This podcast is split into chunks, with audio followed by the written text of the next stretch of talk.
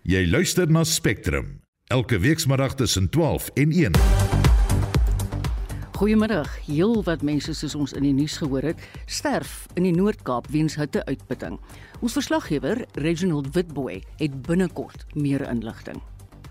Die matrieks van 2022 word geloof vir hulle uitslaa. Maar is dit die einde van die wêreld as jy nie vandag die uitslag ontvang het waarop jy gehoop het nie? En boere in die Noord-Kaap hou 'n trekker optog. Welkom by Spectrum. Die span in die ateljee is redakteur Marlenae Forsie, produksieregisseur Daitrin Godfrey en ek is Marieta Kreer. Daar is geen verkeer. Die drukgroep Not in My Name is besig met 'n protesaksie teen die Eskom verhoging in die kragkrisis en marseer na die Unie gebou in Pretoria. Die volgende strate is gesluit: Paul Kreerstraat, Madiba Straat, Tabe Shume Straat, Linian en Gooi Straat, Sesulu, De Tooi, Nelson Mandela Rylaan, Steve Biko weg, Hamilton Straat en Government Laan. Die Tshwane Metropolisie vra motoriste om ander roetes te gebruik soos Francis Baard, Nana Sita, Parkstraat, Stanza Boppa Straat, Stroeben en Edmund Straat. Ek is Marlies Skeepers. As jy verkeersnuus het, stuur vir ons 'n boodskap na 45889 teen R1.50 en begin die boodskap met die woord verkeer.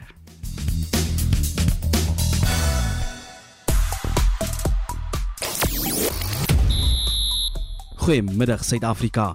In sportnuus vanmiddag, daar's groot opgewondenheid vir nuwe sterre in die Blitsbokspan in aksie die naweek. Dag 4 van die Australiese Ope het vir groot opskudding gesorg. En in cricket het die Indiese vroue die Momentum Protea vroue in die openingswedstryd van hul T20 reeks geklop. Ek's later terug met die volledige bulletin. Dis Christo Gawie vir RSG Sport.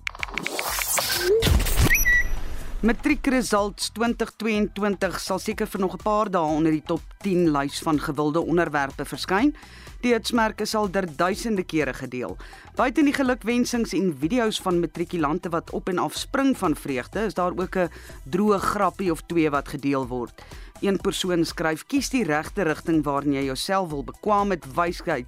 Met wysheid, jy kan nie in die hospitaliteitsbedryf wil ingaan, maar jy is bang vir inspuitingsnaalde of bloed nie.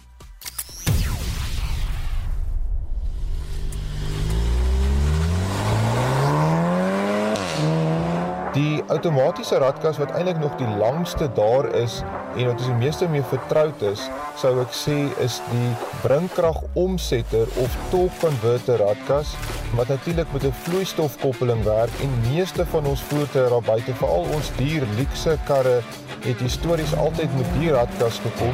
Luister Saterdag na ons motorrubriek op Naweek Aktueel tussen 12 en 1.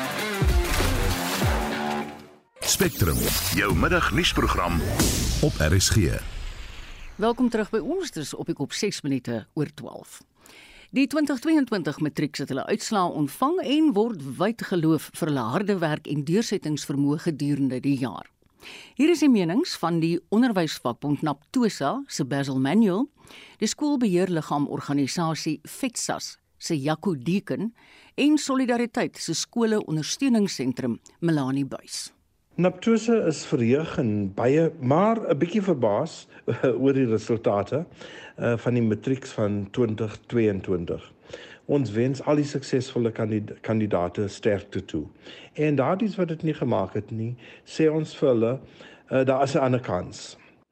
Die vloed van leermateriaal na COVID-19 en die werk van onderwysers met leerders het sekerlik vrugte afgewerp.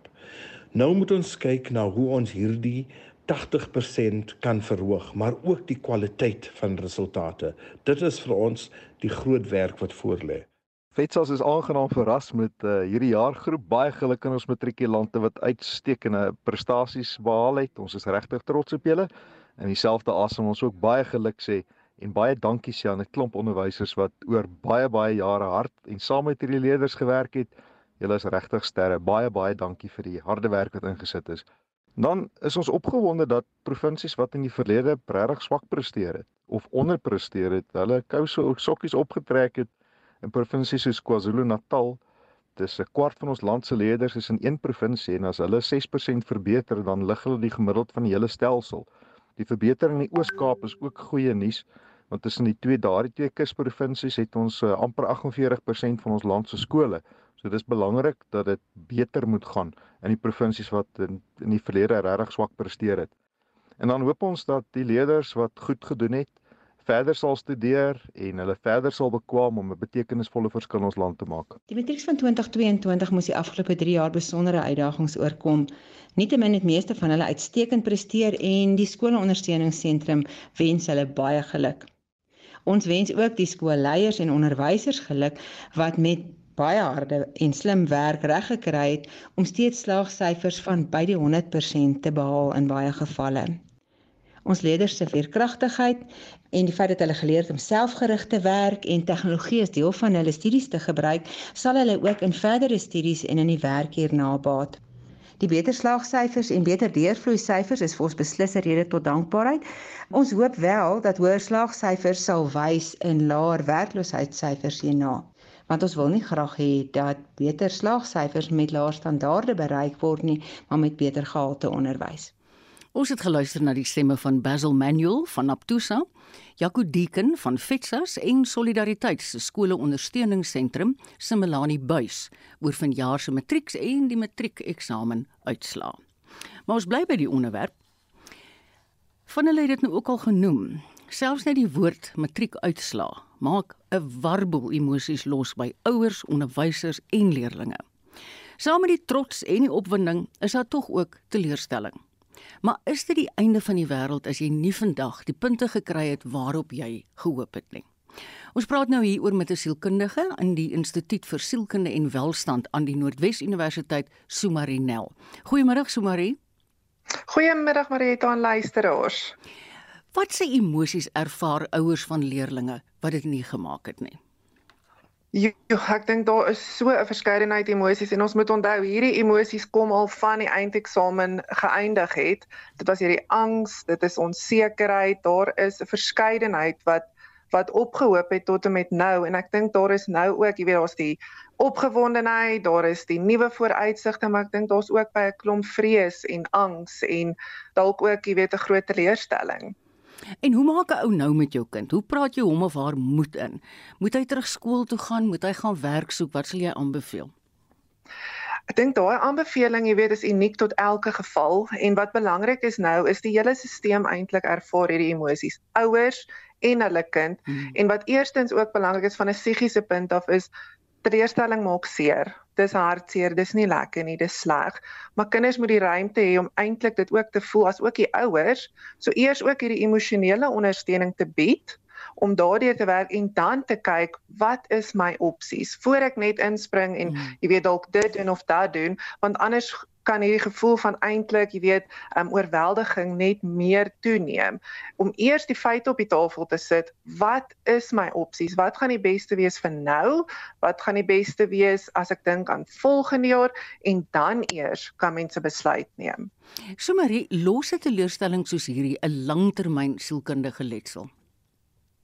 Ek dink die groot ding met daai onthou wat ons sien met die psigies, dis maar soos 'n trauma ook en verlies en seer kry. Enigiets wat regtig seer maak en iets soos matriek uitslaa, dis 'n groot ding.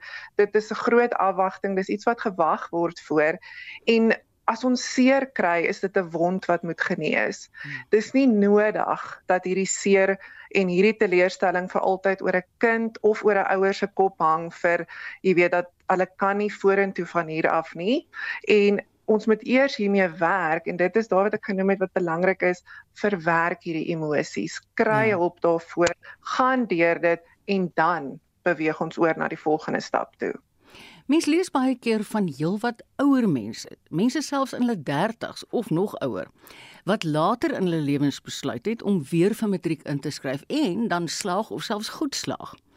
Wat is die sielkundige dryfveer om so definitief jou matrieksertifikaat te kry Ja, ek dink jy weet dit is wonderlik eintlik en dis nie mooi as ons dit so kan stel van die lewe dat ons elkeen se storie het die vermoë om anders te lyk. En dit is ook goed dat ons almal het drome, ons het visies, ons het hoop en ons almal, jy weet, streef na iets toe, maar verskillende vlakke. En wat belangrik is is dat hierdie is 'n teken eintlik wat jy noem ook van hoop dat dis nie te sê al is dit nou sleg en dis hartseer en dis nie lekker nie. Dit hoef nie nou die einde van die storie te wees vir jy weet ek kan nie meer matriek doen nie of ek kan nie gaan studeer nie. Dalk het hulle eers nou 'n ander roete nodig, bietjie gaan werk of ander ondervinding opdoen en dan besluit weet jy ek wil my matriek uit um, doen, ek wil gaan studeer en dit is waar jy weet innerlike dryf meer is as eksterne motivering. Kyk, ek dink as 'n mens dit nou gesê het, is daar in elk geval 'n hele paar ouers wat baie teleurgestel is met die uitslae hoewel die kind geslaag het, maar dit is nie heeltemal soos die ja. ouers gehoop het nie. Dit is waar en ek dink jy weet ouers wil altyd wat ons sien is die mooi van ouers, jy wil die beste vir jou kind hê en jy glo in jou kind en jy motiveer jou kind en jy's absoluut saam met jou kind op hierdie hierdie reis van dat hulle skool begin het tot en met matriek en ek dink dit is belangrik om hier by jou kind in te in te loer en te kyk wat is my kind se vermoë? Wat het gebeur? Dit is 'n groot eksamen. Mm. Dis baie eksterne druk sielkundig ook. Dis nie net ek leer en ek gaan skryf nie. Ja. Jy jy kompeteer amper met die met die hele land wat almal wil gaan studeer, wat ja, almal wil goed doen, wat almal wil daar wees en ons moet net bly by jou kind en wat sy behoeftes is en wat wat ook goed genoeg is. Baie dankie Sumari, 'n sielkundige aan die Instituut vir Sielkunde en Welstand by die Noordwes Universiteit Sumari Nel. Die Matlusana plaaslike munisipaliteit het 30 dae om die nodige herstelwerk aan die rioolaanleg in Klerksdorp te doen. Dit volg op 'n Hooggeregshof uitspraak in Mahikeng. Die Afriforum tak in die dorp het die munisipaliteit reeds in 2021 gevra om herstelwerk aan te bring omdat riool in die skoonspruit vloei. Vir meer hieroor praat ons nou met Petrus Kutse, Afriforum se raadgewer vir plaaslike regeringsake. Goeiemôre Petrus. Hallo Marieta, dit is lekker om met julle te gesels. Ek is bly. Julle het hierdie kwessie nou al in 2021 onder die aandag van die munisipaliteit gebring. Hoe staan sake nou vergeleke by daai jaar? Marieta, so ons het in 2021 opgemerk soos jy gesê het dat daar hourie hol in die skoonspruit ingestort word. Ons het begin deur deur skrywes aan die munisipaliteit terug en toe ook later 'n aanmaning. Ons het ook 'n spesialis verslag opgestel om hulle te help met die herstelwerk van hierdie wol aanleg sodat dit topgehalte werk is wat gedoen word. En ons het toe nou gister in die hof, ehm um, was ons in die hof met die saak en ons het 'n uh, bevel gekry soos jy gesê het dat hulle moet begin, hulle moet begin binne 30 dae met die herstelwerk en hulle moet binne 90 dae terugvoer gee. Maar jy weet, jou en my ervaring is, hoe gaan 'n mens seker maak dat die munisipaliteit die Hooggeregshof se beslissing wel gaan nakom? Dit is 'n dit is 'n moeilike proses, maar dit is 'n proses wat moontlik is. So ons sal van ons kant af seker maak dat daar opgevolg word oor die vordering wat wat gedoen word en ons sal dan indien nodig sal ons weer die hof nader. Die die uitspraak sê ook dat ons die reg het om die hof te nader met 'n met 'n volgende aansoek. En ons wil graag sien dat die dat die howe bietjie brawer sal wees in die toekoms en die gemeenskap betrek by die bestuur van hierdie tipe dienste en ook by die by die bestuur van algemene munisipale sake want die munisipale strukture wet maak tog voorsiening hiervoor dat gemeenskappe betrokke kan wees by hierdie tipe dienslewering. Petrus, ons weet almal wat die stand van sake is by die meeste munisipaliteite in die land. Daar's eenvoudig nie geld nie. Dink jy die Matlosana munisipaliteit het die vermoë om die nodige herstelwerk te doen? Ek dink begroting sal altyd 'n 'n uitdaging wees by al ons munisipaliteite. Ek dink eerstens as hulle hulle meer bevoeg is in die bestuur van hulle fondse, sal ons klaar verskil sien en ook as hulle die regte kontrakteurs aanstel, as die kontrakteer proses of die indiensame proses van hulle beter is en beter gereguleer word, sal dit beter gaan. Maar Matlosana spesifiek, hierdie tipe fondse word beskikbaar gestel ook van van provinsie se kant af. Daar is fondse beskikbaar van provinsiale regering se kant af om hierdie tipe herstelwerk te doen. So ons sal dit ook aan hulle aan hulle aanbeveel, kan ek sê, as ons later sien dit is 'n verskoning wat hulle gebruik. Kyk Afriforum se afdeling vir plaaslike regeringssake is by baie plekke betrokke. Want kyk ons almal weet die rioolstorting in die riviere is nie net tot Klerksdorp beperk nie. Hoe lyk dit elders in die land waar jy betrokke is? Ja, dit is werklik 'n groot bron vir kommer reg oor die land. Die rioolwerke spesifiek soos jy sê, is in 'n haaglike toestand in baie baie dorpe, veral in die Vrystaat en die Noordwes. Ander plekke waar ons spesifiek betrokke is, is Frankfurt waar ons reeds provinsiale ingryping gekry het van die hof af, maar ons wil weer eens hier verder gaan en 'n bevel kry waar ons die gemeenskap kan betrek en waar ons as Afriforum kan betrokke raak om om die kontrakteurs aan te stel vir die herstel van daai werke. Ons is ook in Parys betrokke by die watertekorte daar om druk te plaas en ons is ook besig om te kyk watse opsies beskikbaar daar is om water vir die mense in Parys te gee. Is dit 'n kwessie van onbekwaamheid, onbevoegdheid of 'n geval van ons kan nie omgee nie? Ek dink dit is 'n kombinasie van 'n paar faktore. Onbekwaamheid speel definitief 'n rol, maar ek dink ook hulle wil nie om hulle hulle gee ook nie regtig om nie. Ek dink daar is daar bestaan nie die politieke wil om dit te doen nie. En ek dink ook in 'n manier maak hulle geld baie keer uit hierdie tipe herstelwerk en om kontrakteurs aan te stel en ons weet baie keer ken hulle van die mense en daar's geld wat wat wat vlieg waar dan nie moet nie. Dit is wat ons beweer. So dit is maar 'n 'n kombinasie van politieke wil, hulle hulle gee nie regtig om nie en ook daar's geld om te maak in hierdie tipe in hierdie tipe mm. ehm mm. um, projekte. Petrus baie dankie vir die werk wat julle doen. Ek is seker ons gaan nog baie met julle in die toekoms gesels. Dit was Petrus Kutse, Afriforum se raadgewer vir plaaslike regeringsake. Op die kop 1219. En nou iets heeltemal anders, maar wat ook sterk in die nuus was hierdie week. Verskeie kitskosrestaurante, veral gewilde restaurante wat hoender verkoop, moes in Desember van hulle restaurante sluit weens beurtkrag. Die impak van beurtkrag op die pluimveebedryf is nou reeds die hele week lank onder die soeklig. En vir meer hieroor, praat ons nou met Isak Breitenberg, die hoofbestuurder van die Pluimveevereniging van Suid-Afrika. Hallo Isak. Goeiemôre Marie. Die restaurante voer aan die sluiting was weens beurtkrag en later eers het dit uitgekom dat hulle sê dis weens 'n produktekort omdat hoenderboere nie genoeg hoender kan lewer nie. Wat presies het gebeur? dit was eintlik beerdkrag, maar dit was nie die beerdkrag by die by die ehm um, KFC restaurante nie. En dit was beerdkrag by ons produsente. Ehm um, mm. ons is 'n besigheid wat 24 ure 'n dag werk. So ons het mense 24 ure 'n dag in diens by die plase en ons slag ook hoender 24 uur per dag. En as ons dan beerdkrag kry van 6 ure op 'n dag of 10 ure op 'n dag, En dan is dit geweldig ontwrigtend vir ons. En teen die einde van die week is ons agter met die hoeveelheid hoenders wat ons moet slag. En dit het veroorsaak dat ons nie genoeg hoender ehm um, by die ehm um, restaurante kon uitkry nie. So ons sit eintlik met totaal genoeg hoenders, maar ons sit op die plaas, nie by die kliënt nie. Is dit gee vir ons 'n bietjie 'n beter prentjie. Hoe werk die eenhede waar die hoenders geslag word? En dit is geweldige groot ehm um, slagpale.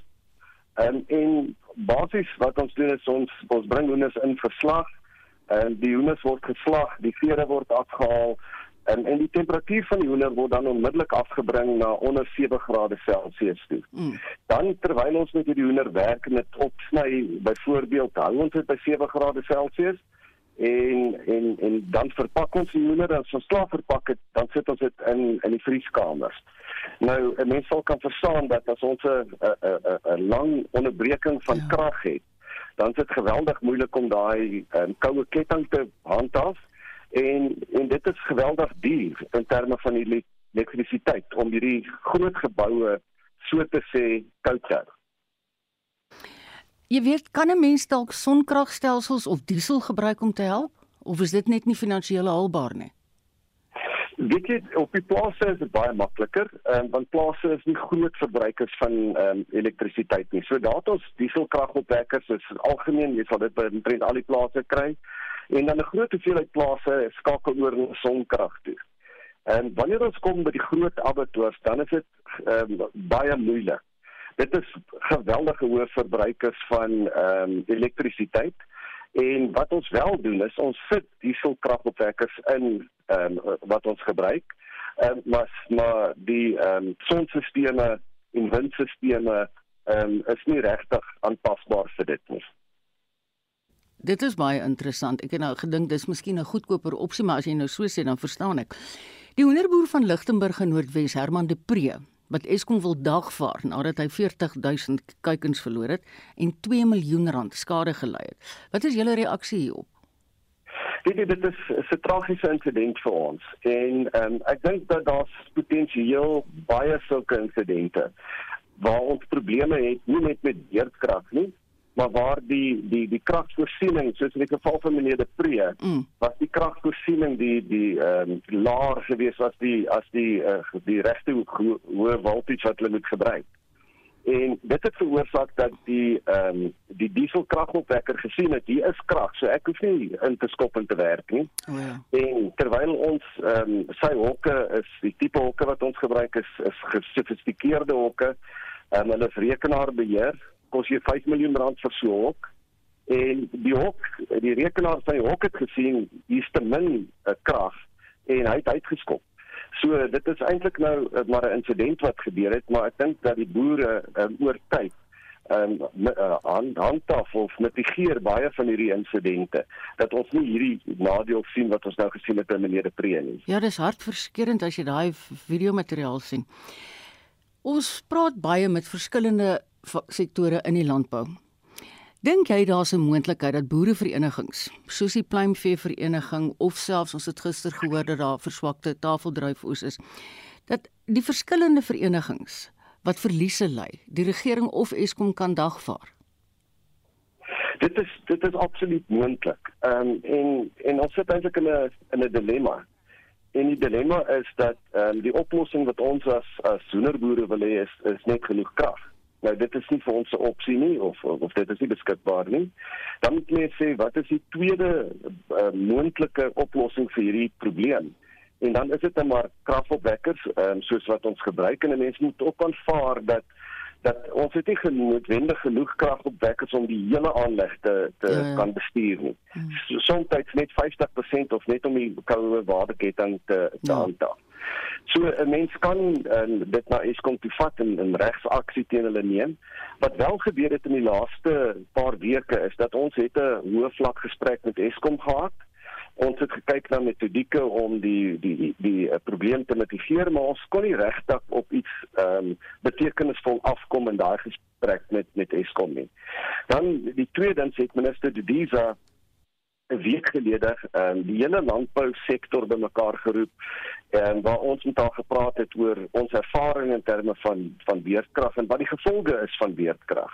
En ek dink ek dink die die boodskap het deurgegaan en minister De Diza het nou 'n uh, 'n klein taakspan saamgestel en hierdie taakspan moet oor 2 weke ehm um, terugvoer lewer oor wat is die tipe van oplossings wat ons van 'n Eskom kant af en sowel as 'n industriekant kan doen om om om om die probleme op te los. Ek dink wat wat vir ons kommerwekkend is is dat ons sien die toekoms 'n bietjie soos wat die onlangse verlede is. En dit is dat ons voorsien dat dat ehm um, ons ehm um, weerkrag op dieselfde vlakke gaan hê as wat ons in Desember en Januarie gehad het in die jaar wat voorlê. En dat ons ons beplanning dan daarvolgens moet doen en nie in die hoop dat daar gaan krag wees of dat ons net fase 2 weerkrag gaan hê nie. Miskien met die minister van landbou net met haar kollega praat by energie en ehm um, net sê dit is 'n probleem.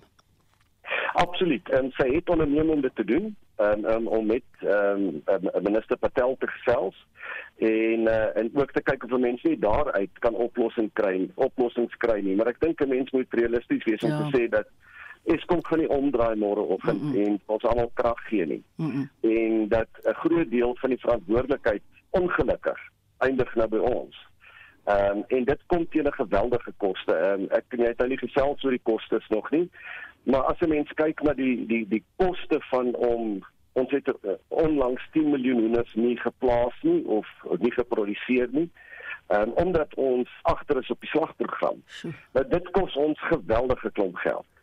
Tweedens as ons hierdie hierdie groot ehm um, slagpale is ehm um, op op ehm um, diesel kragopwekkers hardloop dit dit is geweldig. En een maatskappy se rekening is 1.6 miljoen rand vir 48 uur Jo. kragopwekker uh, hardloop.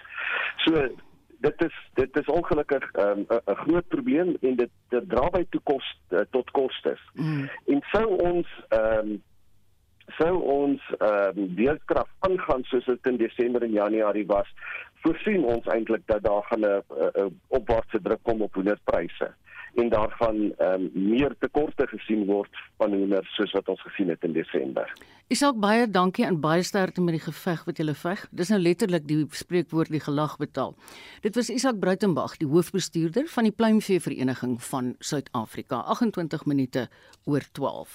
'n Ander groot nuus storie hierdie week is die Noord-Kaapse Departement van Gesondheid wat bevestig het dat 'n hele paar mense in die provinsie dood is aan hitteuitputting. Ons praat nou met ons verslaggewer Reginald Witboy wat vir ons al die besonderhede het. Reginald, goeiemiddag. Goeiemôre aan jou Marita en ook aan die luisteraars. Ek het net gesê heelwat mense want ons het in die 12 uur nuus gehoor, hulle het verkondig dit is 5 en jy het vir ons gesê dis 7. Wat is die getal?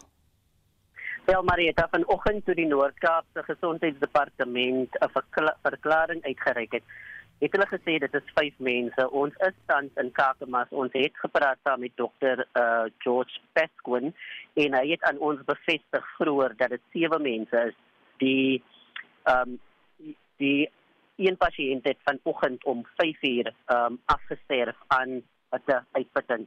Drie van ehm um, hierdie plaaswerkers ehm um, was reeds dood verklaar toe hulle by die hospitaal aangekom het en ehm um, vier van die pasiënte het hulle het die dokters nou probeer om te stabiliseer en op ventilasiemasjiene te sit. Um, maar hulle het ook um, ongelukkig afgesterf. Daar is um, een vrou wat die dokter aan ons bevestig het wat tans op 'n ventilasiemasjien is en sy sterk goed aan ek moet ook aan jou noem maar het ehm um, dit is nie net op een plaas waar ehm um, waar vanaf die sewe mense gekom het nie. Ehm um, die sewe mense het van verskillende plase afgekom. Dit is die Groenheuwel plaas, Loferin plaas en dan ehm um, om daai plaas en ook vier kop ehm um, plaas, so dit is vier ehm um, plase. En hierdie mense het teken tekens ehm um, gewys van lae bloed bloeddruk en dan ook ehm um, uh onbewusteloosheid en en tans is die temperature hier in Kakamas is 38 grade en ek moet vir jou sê dit is verskriklik warm en daar word verwag dat dit tot 41 ehm um, toe gaan kook later. Regionals kan 'n mens dan oor die algemeen sê jy dink dis rehydrasie en sonsteek. Beslis maar dit ehm um, en dis ook wat die dokter aan ons genoem het dat hulle eintlik in kontak is saam met die die boere um, van hierdie plase sodat hulle vir hulle kan vra dat hulle hulle hulle uh, skofte kan verander vir hierdie plaaswerkers om op die plase te werk en uit hierdie ehm um, te uit te bly tussen 11 uur en 5 uur. So uh, hulle is in gesprek saam met saam met die boere maar ook ehm um, aan die ander kant Kakamas ondervind tans 'n waterkrisis. Oh. Die dokter het ook gesê dat ehm um, mense het nou nie water om te drink sodat hulle uh, gehidreerd kan bly nie. Mm. En dan ook het ook gesê mense kan ehm um, sou hulle voel dat hulle ehm um, uitputting kry dan kan hulle hulle ook self nat maak met met handdoeke maar as dit uh nood is moet hulle onmiddellik uh na die hospitaal toe gaan sodat hulle mediese behandeling kan ja. kry.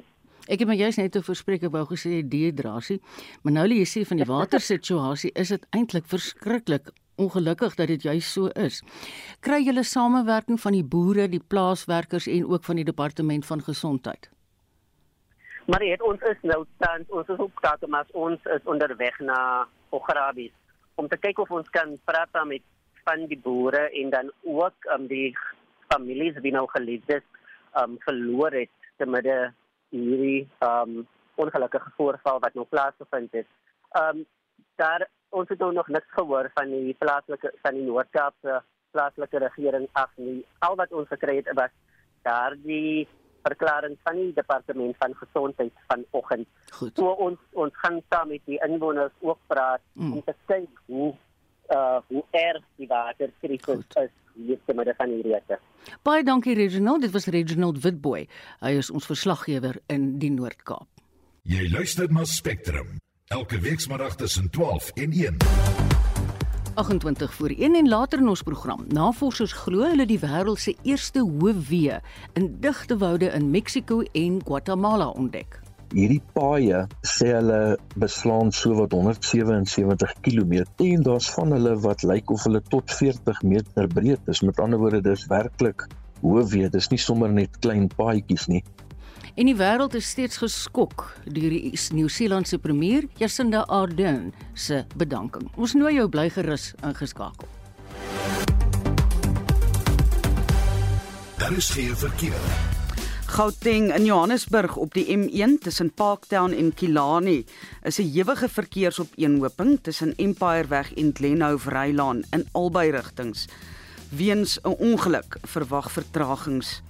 Daar staan 'n voertuig op die R24 Wes net voor Edenvale weg, die linkerbaan word versper. In KwaZulu-Natal op die N2 Noord net voor Belito Rylaan was 'n ongeluk. Die linkerbaan word ook daar versper. En in die Wes-Kaap op die N1 inwaarts by die Kuiberg Kuiberg wisselaar was 'n ongeluk. Die linkerbaan word daar versper. Ek is Marlie Skeepers en dit was die middagverkeersverslag op Spectrum.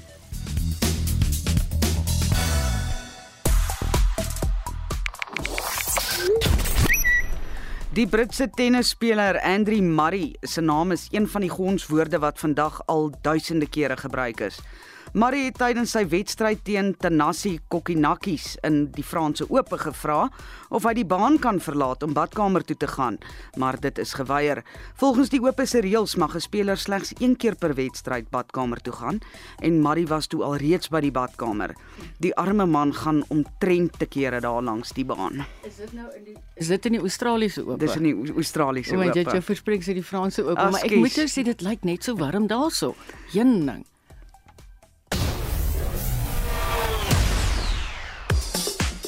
So van die opes gepraat, ons handig nou oor aan Christo Gawie. Hy het vir ons al die sportgebeure waarna ons hierdie naweek kan uitsien. Goeiemiddag. Ons begin met die Blitsbokke.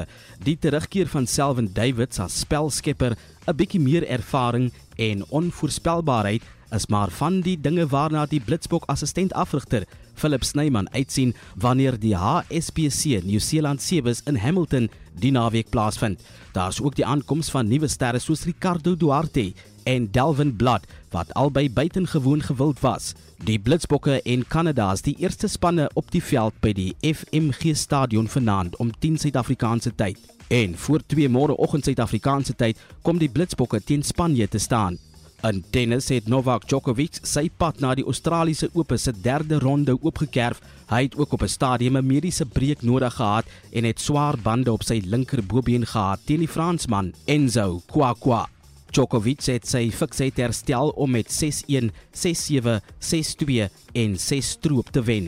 Hy gaan nou teen die 27ste gekeerde Grigor Dimitrov in die derde ronde te staan kom. Verskeie ander topgekeerdes het uitgeval. Die tweede gekeerde Casper Ruud het in 4 stelle 6-3, 7-5, 6-7 en 6-2 teen Jensen Brooksby verloor. Taylor Fritz, Alexander Zverev en Diego Schwartzman is ook almal uitgeskakel. In die vroue afdeling het Aryna Sabalenka ook gewys dat sy 'n ernstige aanspraakmaker op die titel is en het deurgedring na die derde ronde toe sy die Amerikaner Shelby Rogers met 6-3 en 6-1 geklop het. Die tweede gekeerde Ons Jabeur van Tunesië is deur die Tsjech Marketa Vondrosova in 3 stelle uit die toernooi geknikker.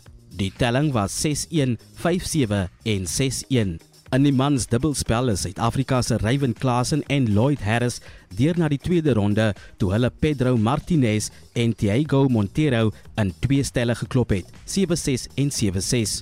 Dag 5 van die Australiese Ope word vandag beslis. Die Momentum Protea vroue kaptein Sunay Lee het die lood gisteraand gewen en gekies om Indië eerste in te stuur om te kolf in hulle eerste vroue T20 reeks wedstryd by Buffalo Park in Oos-London. Indië se vroue het 147 lopies vir 6 op die tellbord aangeteken. Suid-Afrika se vroue het 'n moeilike tyd gehad om die teiken van 148 te bereik en kon slegs 120 vir 9 op die tellbord aanbring. Indië se vroue klop die Protea vroue met 27 lopies. Môre middag is wedstryd nommer 2 aan die gang wanneer die Protea vroue die Wes-Indiese vroue pak. En die Sunrisers Eastern Cape het die Parel Royals gisteraand op Boland Park in die Parel tot 127 vir 7 beperk. Sunrisers het die teiken bereik in die 18de bilbeerd toe hulle 131 vir 5 op die tellbord aangeteken en die wedstryd met 5 paaltjies beklink het. Vanmiddag om 06:30 is Durban Super Giants teen Pretoria Capital Slags. Môre middag is die Parel Royals weer in aksie, die keer teen MI Cape Town, asook Sunrisers Eastern Cape teen Joburg Super Kings die keer. Baie dankie Christo Gawe. Ja, so vol sportnaweek wat voorlê. Jy luister na Spectrum. Elke weekmiddag tussen 12 en 1. Dis letterlik op die kop 20 voor 1. Besproeiingsboere in die Noord-Kaap is besig met 'n bewusmakingsveldtog oor die uitdagings wat hulle weens beurtkrag in die gesig staar. Nicole Jansen, Agri Noord-Kaap se president, sê hulle ruk in hulle trekkers op, maar dit is nie 'n betoging of 'n protesoptrede nie. Dit is 'n bewusmakingsveldtog om met boere deel van die oplossing wil wees. Goeiemôre Nicole. Goeiemôre Marita. Julle ry nou letterlik van dorp tot dorp. Waar het julle begin en waar gaan julle eindig? Ja, Marietta, ehm um, dit is in die dorpe van Prieska, Douglas en Hopetown vandag, volgende week aan Vrydag in Hartswater. So dis daarmee dat ons nog dorp tot dorp ry nie, maar dis die gemeenskappe wat mobiliseer om hulle uh groot krisis wat ons het ten opsigte van beerkrag en eintlik te min elektrisiteit om die gewasse op die lande deur te kry uit te dra na buite en bewus te maak dat ons het dringend oplossings nodig. So vandag is ek hier in Douglas. Ek moet jou sê ek verwag jy moes net nou my gesprek met die pluimvee vereniging gehoor het nie, maar hulle het presies dieselfde probleem want die kuikens gaan dood. Maar wat vir my interessant is van julle is dat die plaaswerkers deelneem aan die veldtog. Dis vir my baie interessant. Ja, absoluut. Ons plaaswerkers, ons plaasarbeiders het regtig in die grootste getalle in 'n geval dit was baie meer as wat hier ander mense was by hierdie bewusmaking en ek het saam met van hierdie trekkers en stroopers gery wat deur die arbeiders bestuur word en hulle gevra hoekom is jy vandag hier en het vir my gesê meneer ek kan sien die lande gaan nie die oes lewer nie en as hy nie die oes lewer het nie het ek nie werksekerheid nie hm. afgesien van my ongerief by die huis dat ek het al twee TV's verloor en my kos is nie meer reg in my vrieskas nie. Weet ek ek het werksekerheid nodig. En dis die boodskap van die plaasarbeid vandag dat ons het werklik waar antwoorde nodig om meer elektrisiteit vir die besproeiingsindustrie van Suid-Afrika daar te stel omdat dit 'n groot groot krisis is wat besig is om af te speel. Jy weet Nicole, daar's reeds verlede jaar kommer uitgespreek oor die impak van beurtkrag op besproeiing. Theo Foster van Galileo Capital en Theo de Jaar van SAI het reeds verlede jaar gewaarsku. Kom ons luister na wat hulle toe te sê gehad het. Jy kan nou dink wat doen dit aan pompe. Jy kan dink wat doen dit aan 'n ou se program as jy net kan besproei wanneer die, die krag nou weer aan is. Die probleem is, as jy beurtkrag het, werk daai pomp nie. So daai water waarop jy reg het, loop verby jou plaas jy gaan nooit weer daai water terugkry nie. Dit was die stemme van Theo Foster en Theo die jaar. En um, ek dink 'n mens mens kry die indruk dat dit regtig waar 'n wesentlike verskil maak. Is dit maar hoe julle dit ook sien? Ja, Marita om daarbey aan te sluit is die realiteit is dat ons het nodig om tussen 40 en 60 mm water op die gewasse te besproei. Ons het fase 5 beerkrag. Ons het net genoeg om 40 mm water neer te sit mits alles regloop en daar geen breuke op die Eskom lyne is nie en geen vertraging is om te ry om die pompe te gaan start nie. Verder meer is die grondprofiele uiters droog. Ons boer agteruit. Ons sien elke week hoe dit droër en droër en droër word en die gewasse op die lande vrugte groente en uh, veral dan die kontantgewasse uh, mielies is besig om te vorder in hulle biologiese uh, uh, uh, uh, biologiese proses. So hulle waterverhoefte is besig om toe te neem. So ons gaan binnekort by 'n situasie kom waar ons 80 mm per week moet toedien hmm. wat veroorsaak omdat ons net 5 mm per dag kan toedien uh, uh, dat ons 7 dae 'n week moet kan krag hê. En ons het dit nie en hier is nie genoeg krag nie. So hoe gouer ons aanvullend kan doen kan ons 'n 'n 'n risiko nog red, maar dan sal moet ons die proses van agteruitgang nou staak. Nicole, ek wil jou vra, kan hernubare krag of sonkrag in julle bedryf ingespan word? Die groot uitdaging is dat landbou het met 'n groot spoed begin belê in hernubare energie. En tans staan al hierdie sonplase soos wit olifante, want ons het nooit voorsien dat beerdkrag so erg sal wees dat ook die sonplase nie kan werk nie. So nou is dit 'n totale ander soos die Engelsman sê ballgame. Mm. Nou moet jy storing bysit en die landbousektor se winsgewendheid is nie van so aard dat hy 'n uh, elektrisiteitsgenereerder ook kan wees nie. Daar is net nie marges nie. So landbou kan nie sy eie energie opwek om te gebruik en dan op die einde van die dag met die beperkte winsmarges wins maak nie. Verder meer is ons kragbehoefte net hopeloos te hoog om op 'n bekostigbare manier 'n alternatief daar te stel. Dit is regeringsverantwoordelikheid om soos die Engelse term is 'n enabling environment daar te stel mm. en dit is nodig om daardie infrastruktuur daar te hê sodat die vrye mark dan verder kan gaan en dan kan ook die elektrisiteitsgenereerders kan dan uh ekonomies volhoubaar wees. Maar landbou kan nie 'n tweede Eskom word nie. Dit is net te duur. Nicole baie dankie sterkte met julle reis. Nicole Jansen, president van Agri Noord-Kaap. 'n Ander groot storie in die nuus hierdie week is uh, die bedanking van die Nieu-Seelandse premier Jacinda Ardern. Die 42-jarige leier het nie om politieke redes bedank nie. Hier is haar emosionele aankondiging gister. This summer I had hoped to find a way to prepare not just for another year but another term. Because that is what this year requires. I have not been able to do that.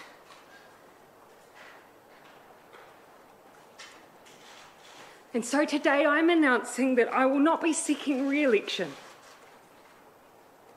and that my term as Prime Minister will conclude no later than the 7th of February. This has been the most fulfilling five and a half years of my life but it has also had its challenges. I know what this job takes, and I know that I no longer have enough in the tank to do it justice. It's that simple. Die stem van die Jacinda Ardern, die Nieu-Seelandse premier. Vir meer hieroor praat ons nou met professor Amanda Gous. Amanda is verbonde aan die Universiteit Stellenbosch Skool vir Politieke Wetenskap. Hallo Amanda. Hi, Marita. Ardern sê haar tank is leeg, dis hoekom sy uittreë. Ek moet sê en ek sê dit met respek, toe ek haar sien gister met hierdie aankondiging en ek onthou hoe sy gelyk toe sy begin het op ouderdom 37 en sy's nou maar 42, kon ek nogal sien sy het vir my ouer geword. Wat dink jy? Ja, wel ek dink om die uh, premier van 'n land te wees en veral sy het uh, Nieu-Seeland gelei deur die COVID pandemie en deur die uh, terroristiese aanvalle op Christchurch en Christchurch.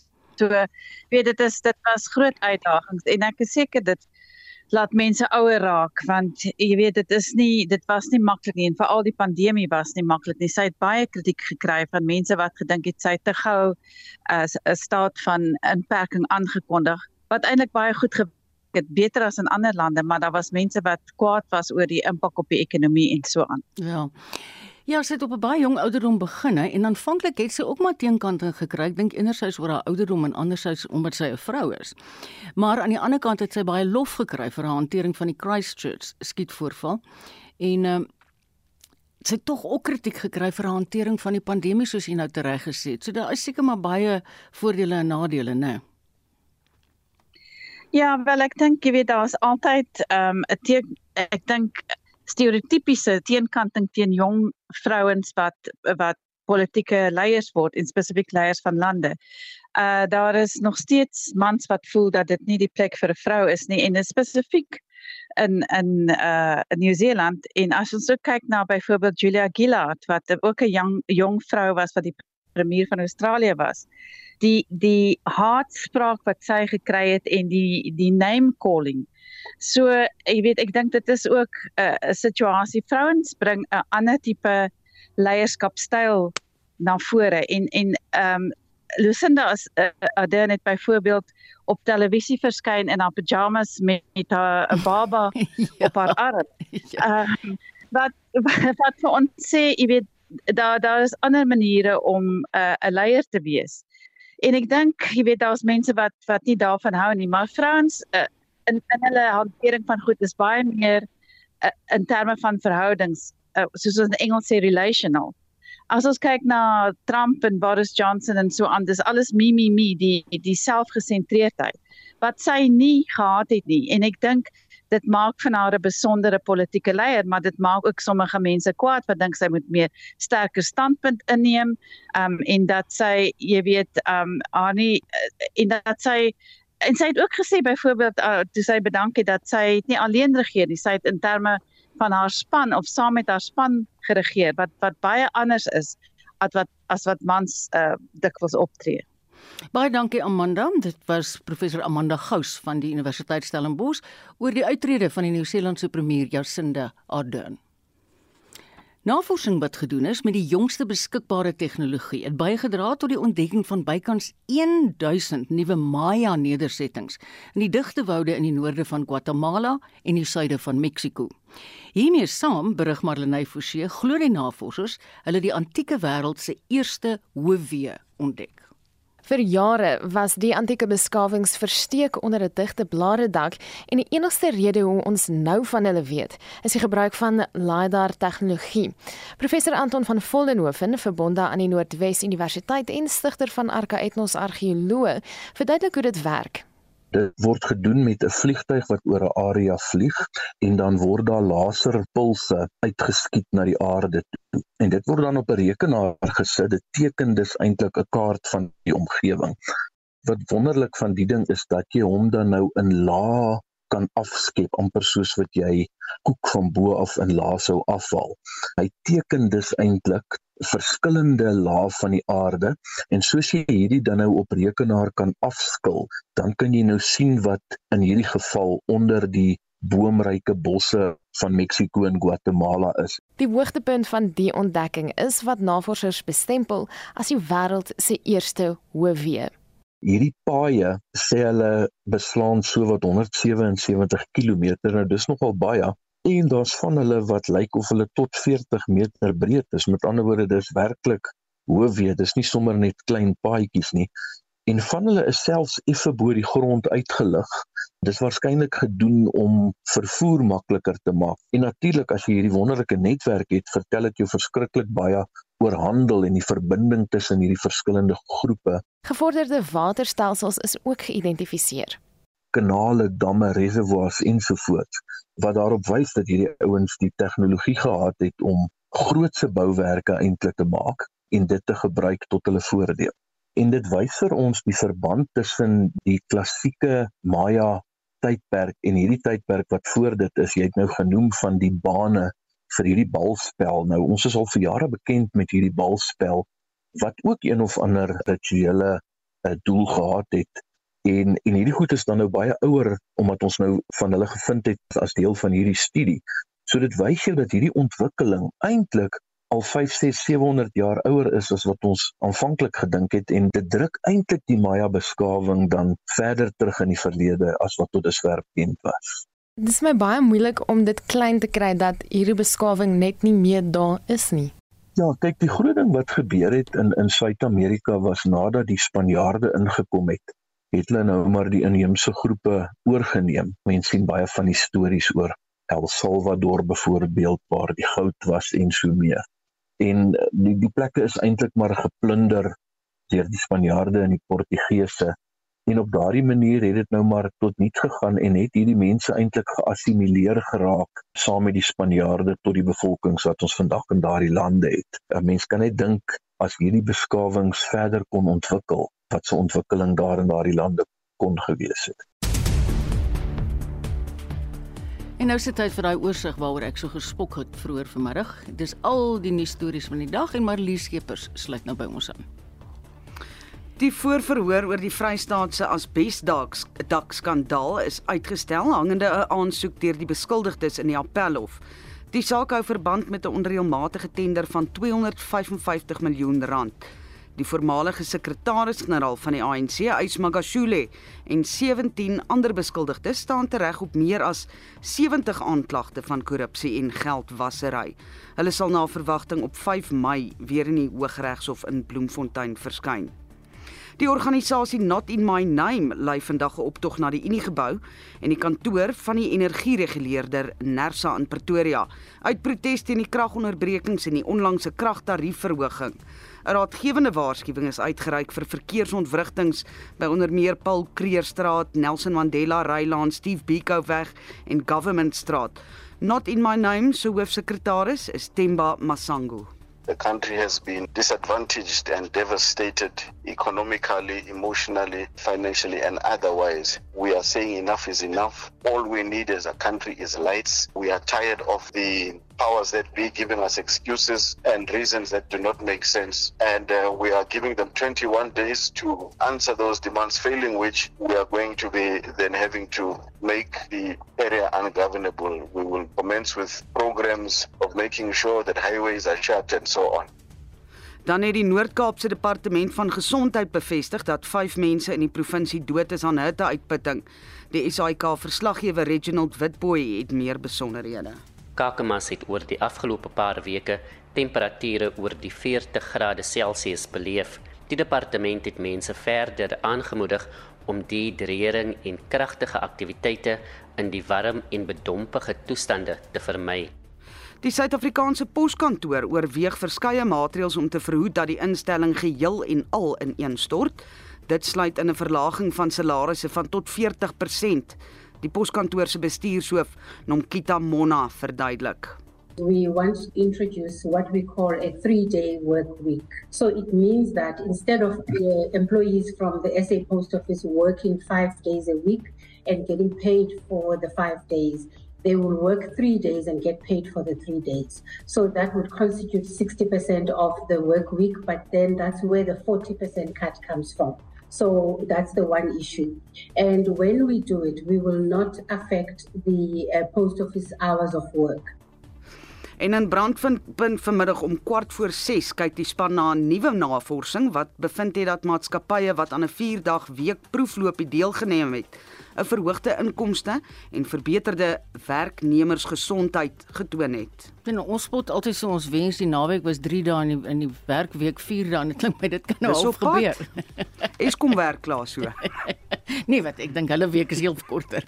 Ek moet sê, ehm um, toe ons het nou met Reginald gesels het, toe sê hy vir my van die amptelike syfer van 5, is daar ongelukkig nog 2 mense in die hospitaal. So dit bring daai dodetal op 7 te staan vanweer die hitte. Ons het die laaste uur dit so geniet om al die nuus van die dag vir jou te bring. Ek hoop jou belewenis was dieselfde geweest. Moenie uh, weggaan van RSG nie, want die in hier nuus lê voor van die 360 span brandpunt span in die Kaap, dag brandpunt span 360 span. En dit is die einde van ons uitsending vanmiddag. Die uitvoerende regisseur, Nicoline de Wee, redakteur Marlenae Forsie en ons produksieregisseur was Daitron Godfrey. Ek groet net tot 3 uur vanmiddag in Spitstyd, maar soos ek sê, bly gerus ingeskakel.